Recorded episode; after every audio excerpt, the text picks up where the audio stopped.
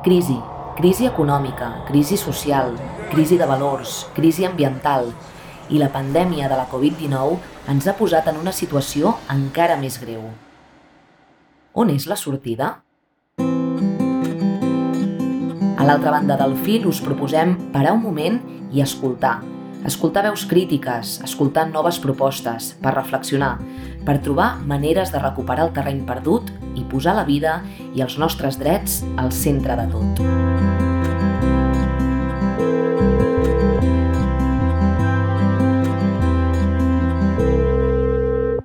A l'altra banda del fil, un podcast de l'Observatori Desc i Crític.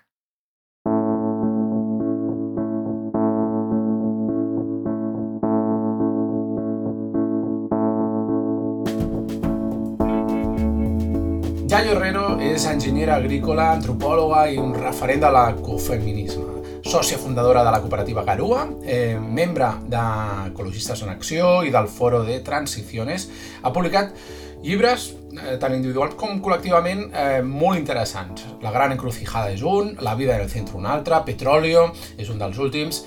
En tots aquests reflexiona sobre la crisi climàtica i social actual. En aquest cicle de converses, eh, iniciativa de l'Observatori d'Esc i de Crític, eh, xerrem amb gent eh, que ens proposa justament posar la vida al centre. Eh, I com fer-ho, no? Com fer-ho. I amb la Iaio ho intentarem fer eh, sempre amb un, amb un accent amb el tema ecologista i ambiental. Iaio, com estàs? Com te encuentras? Hola, buenos días. Pues nada, muy bien. Aquí hace, estoy en Cantabria, hace un día maravilloso. Así que estoy estupendamente. Gracias. ¿Tú también bien? Justo, sí, sí, más o menos. Igual no tan bien como tú, pero, pero bien, en la ciudad. Te mudaste hace poco, ¿no? De Madrid a, a un pueblecito en las montañas de Cantabria. Pues mira, hace ya aproximadamente, o sea, definitivamente nos hemos quedado aquí hace como un año y medio, ¿no? Pero llevaba ya tres o cuatro que intentaba, bueno, pues eh, pasar 10 días al mes aquí y el resto del tiempo pues moviéndome o en mi trabajo en Madrid o lo que fuera, ¿no?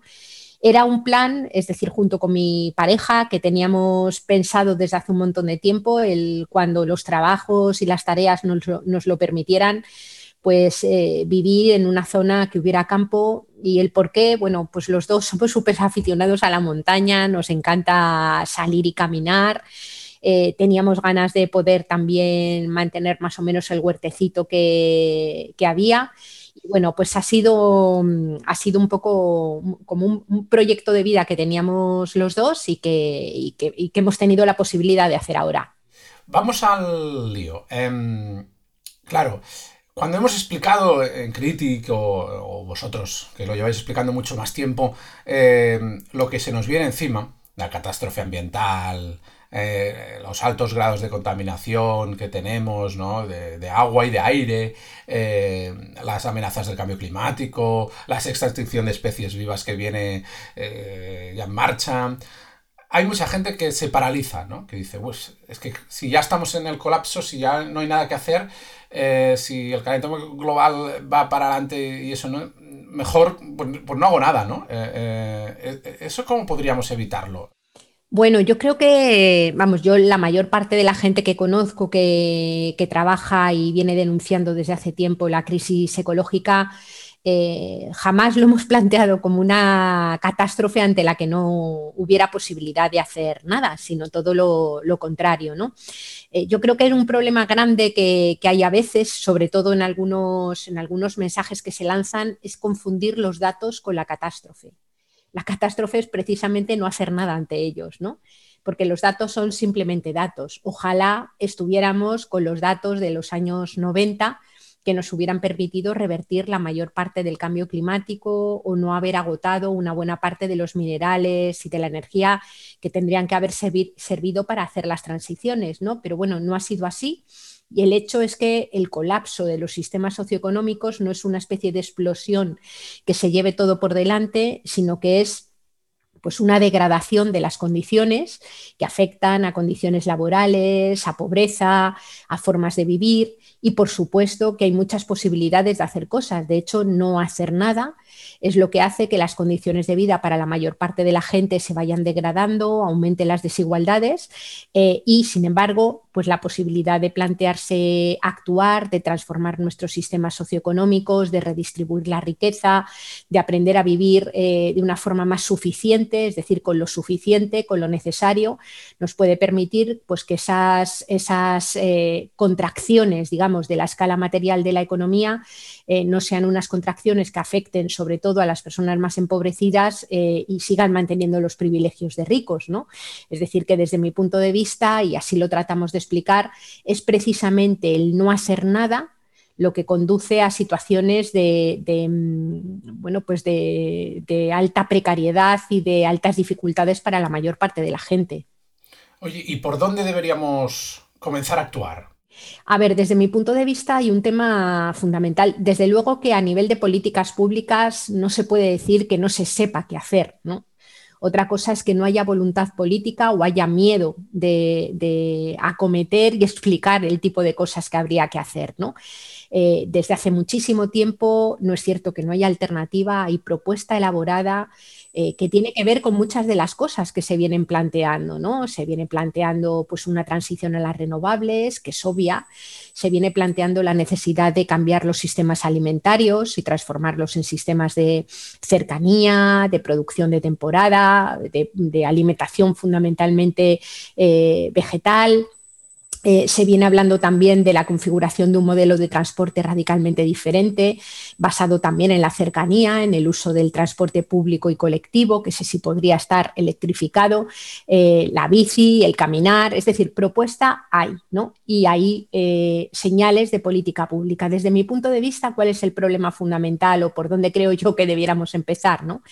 Por trabajar intensamente lo que es la disputa de la hegemonía cultural, es decir, lo que no dicen habitualmente eh, ni las agendas políticas ni los grandes medios de comunicación es que todas esas alternativas, que realmente lo son, lo tienen que ser en un marco de radical eh, reducción de la esfera material de la economía, es decir, con una transformación importante de los modelos de consumo hacia modelos de consumo mucho más suficientes en lo material. Esto quiere decir que tenemos que aprender a vivir con menos, quienes pueden vivir con menos, en lo que tiene que ver con el uso de la energía, de los materiales, aunque podríamos vivir con más tiempo, con más relaciones, ¿no? Eh, con más de aquello que no es material. Eh, para mí ese es el, elemento central, es decir, el, el cómo hacer que, esos, em, que, esas posibilidades reales de, cambiar nuestros modelos económicos sin dejarnos a la mayor parte de la gente atrás se conviertan en un deseo. Es decir, que los horizontes de deseo puedan ser compatibles con los límites físicos del planeta y con, la justicia. ¿no? Ese, es, ese, es, el principal reto, que es educativo, que es pedagógico, que es político, que es también eh, pues mediático. ¿no? Ese para mí es el principal reto y por ahí creo que tendríamos que empezar. Oye, por hacer de abogado del diablo, en este caso de abogado de Bill Gates. Bill Gates en el último libro, bueno, Bill Gates por poner un ejemplo, porque esto lo dicen eh, gobiernos, empresas multinacionales, algunos em, tecnólatras, ¿no? Eh, dicen que vamos a, con, los grandes cambios tecnológicos que se vienen en el futuro, vamos a poder mantener el nivel de vida y el ritmo de vida en crecimiento actual. Em, y y que, el, que el planeta no colapse y frenar el cambio climático. Tú a estos eh, tecnólatras, ¿no? O esta gente que confía en que un cambio tecnológico, una solución científica en el último minuto no, nos va a ayudar y vamos a poder seguir todo igual, mantener eh, las estructuras económicas y tal, y de, consumo iguales. Eh, ¿Eso es posible? Porque ellos lo defienden con datos, tienen, muchos altavoces mediáticos, ya sabes. Sí, sí, sí. Bueno, yo creo que es el, eh, es decir, que no, es, no es solamente como tú muy bien decías Bill Gates, ¿no? sino que, es el, relato dominante de nuestra cultura prácticamente desde, desde la modernidad, ¿no? Es decir, la promesa de que la tecnología resolverá absolutamente todos, incluso los problemas que ella crea, que ella misma crea, ¿no? Es decir, es una, somos una sociedad tremendamente tecnolátrica. ¿no? Yo qué le diría a Bill Gates eh, si le escuchara decir esto, pues que saque un, el que, que, tanto controla de informática, que saque una calculadora, incluso un lápiz y, una, y las tablas de multiplicar y de dividir y que eche algunas cuentas. ¿no? Si tú, por ejemplo, eh, contabilizas los minerales que hacen falta para fabricar un coche eléctrico y eh, lo extrapolas no, no, no, a toda la población del planeta, sino al número de coches de motor de combustión que existen en el momento actual, eh, lo que te sale es que para fabricar todos esos coches eléctricos hacen falta el doble de las reservas de litio que existen actualmente. Y tenemos las que existen, que además pretenden ser utilizadas para hacer la transición a las energías renovables y además pretenden ser utilizadas también, por ejemplo, para digitalizar la economía y construir pantallas, cableado, fibra óptica, satélites. Es decir, el asunto es que cuando miramos todo lo que la industria promete hacer y eh, lo contrastamos con las reservas minerales que nos dice la comunidad científica que quedan, las cuentas no salen. O, lo que es peor, las cuentas salen si el beneficio es solamente para una pequeña parte de la población del planeta, la privilegiada. Es decir, esos modelos tecnológicos que desde personas como Bill Gates hasta sujetos como este esta especie de supermacho galáctico que es Elon Musk, ¿no? Son, eh, son propuestas, digamos, eh, que de ser viables que son dudosamente viables, serían viables solo para una pequeña parte de la población del planeta. ¿no? Lo que quiero decir con esto es que la tecnología es una condición necesaria para la transición. Yo no soy una persona tecnófoba y creo que hace falta tecnología, pero tiene que ser una tecnología que en modo alguno es condición suficiente, hace falta política, reparto de la riqueza, suficiencia, y tiene que ser una tecnología puesta al servicio del mantenimiento de la vida para todos los seres vivos, no al servicio, digamos, de la maximización de las tasas de ganancia de capital. Mientras la prioridad siga siendo la maximización de los beneficios y se suponga que de ese eh, ganar cantidades ingentes de dinero es de lo que tiene que derivar el, bienestar para la mayor parte de la gente, es decir, que el bienestar de la gente es una especie de subproducto de ese crecimiento económico, pues el resultado es que el colapso, efectivamente, para las personas más empobrecidas y para mm, muchas personas que aún no lo son, pero lo estarán si no hacemos nada por estarlo, es casi inevitable. Y, quería saber tu opinión también sobre mm, ¿Qué opinas de, estas ideas de más o menos eh, relacionadas con, la, con esta transición verde dentro del capitalismo? Todas estas propuestas ¿no? que van surgiendo desde el Green New Deal en, Estados Unidos a, las propuestas que tienen los verdes en Alemania, que ahora podrían, podrían ganar las elecciones incluso. Em, tú eso no lo ves muy claro, ¿no? Tienes algunas dudas. A ver, eh, a mí me parece que el hecho de que de repente en todos los, eh, en una buena parte de las propuestas y agendas políticas se hable de estas cosas, es un indudable triunfo del, movimiento ecologista y de, quienes han estado mucho antes que yo trabajando sobre todas estas cosas. Es decir, que en ese sentido que se hable de ellos ya me parece importante. Es verdad eh, que, no se habla solo porque hayamos conseguido disputar o poner en la agenda estas cuestiones, sino por la inevitable, como dice la filósofa Isabel Stengers, intrusión de Gaia, es decir, en la propia crisis ecológica, el cambio climático, el declive ha irrumpido en la economía, ha irrumpido en la política como un agente político más sin, sin conciencia, es decir, sin, sin, por así decir, agencia política como tal la entendemos, pero no se puede ya pensar la política ni la economía sin contar, digamos, con la naturaleza, ¿no? tristemente eh, con la crisis ecológica. Eh, dicho esto, cuando hablamos de propuestas de Green New Deal o de, o de transición verde, em, la clave es si lo están haciendo en el marco de una contracción material de la economía o no. Es decir, trato de explicarme, ¿no? Es decir, el decrecimiento de la esfera material de la economía no es una opción política sin un dato. La economía va a decrecer materialmente sí o sí. Me refiero a que la economía globalizada va a tener que funcionar con menos energía y con energías con menores tasas de retorno energético, con menos minerales con menos disponibilidad de tierra fértil, eh, con importantes alteraciones en el ciclo del agua, y eso es un dato. Eh, la clave entonces es si esas propuestas de transición verde se hacen cargo o son conscientes de ese dato o prometen cosas al margen de tener en cuenta ese decrecimiento de la esfera material de la economía. ¿no? Las propuestas, por ejemplo, de transición verde de la Unión Europea son inviables materialmente. Es decir, hay algunos estudios de algunas universidades, por ejemplo en Leeds o, en, el, en, el, ICTA de Barcelona, em, algunos, algunos, de estos estudios plantean que lo que la Unión Europea eh, propone como transición y propone, hace como propuesta con esos ejes de las renovables, la movilidad eléctrica y la digitalización de la economía, cuando lo transpones a los kilos, a las toneladas de minerales que quedan, simplemente no es viable.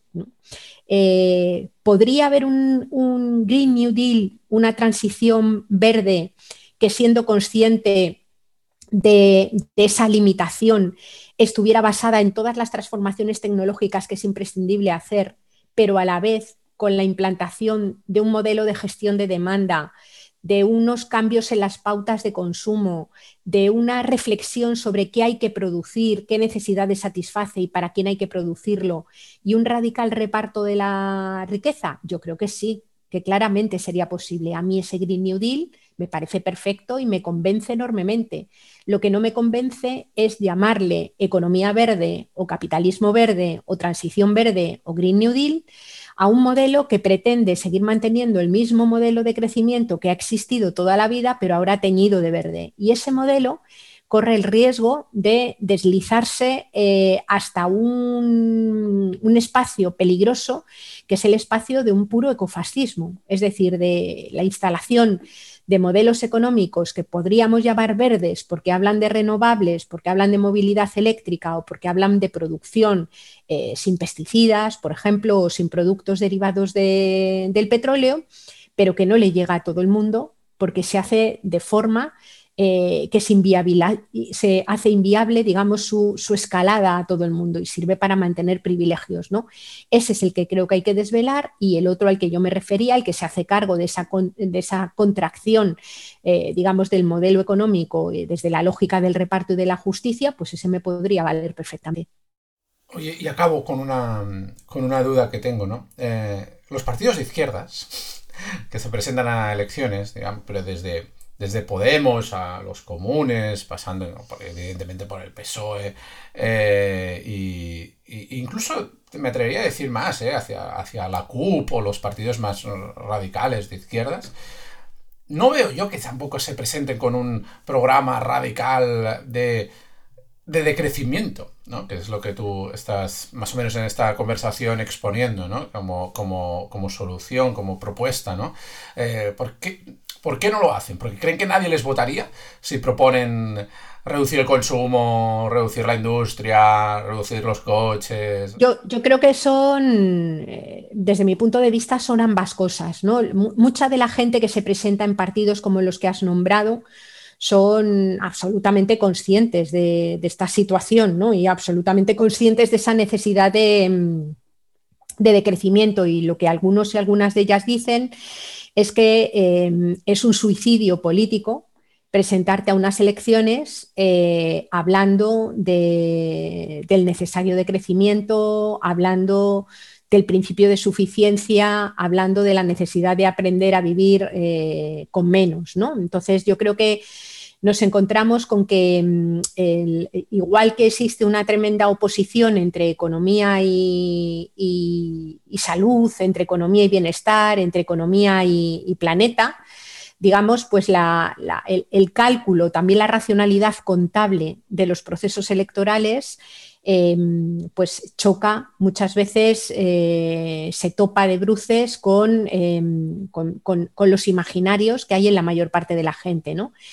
Hay algunas, algunas personas que, hablan, cuando hablaban desde las teorías de los populismos en algunos de los partidos políticos emergentes en los últimos años, que decían que, bueno, que las campañas electorales, sobre todo cuando te has constituido un poco como en esos momentos que llaman de maquinaria de guerra electoral, eh, tú tienes que partir ya de, mensajes que estén ganados en la calle, es decir, que de cosas que estén ya resueltas. Por eso, cuando analizamos la trayectoria de, algunos de esos partidos, vemos cómo en sus inicios no hablaban para nada de feminismo y empiezan a meter el feminismo a saco después de las grandes movilizaciones de 2018, 2019, cuando es una cosa ya ganadora en la calle, por así decir, ¿no?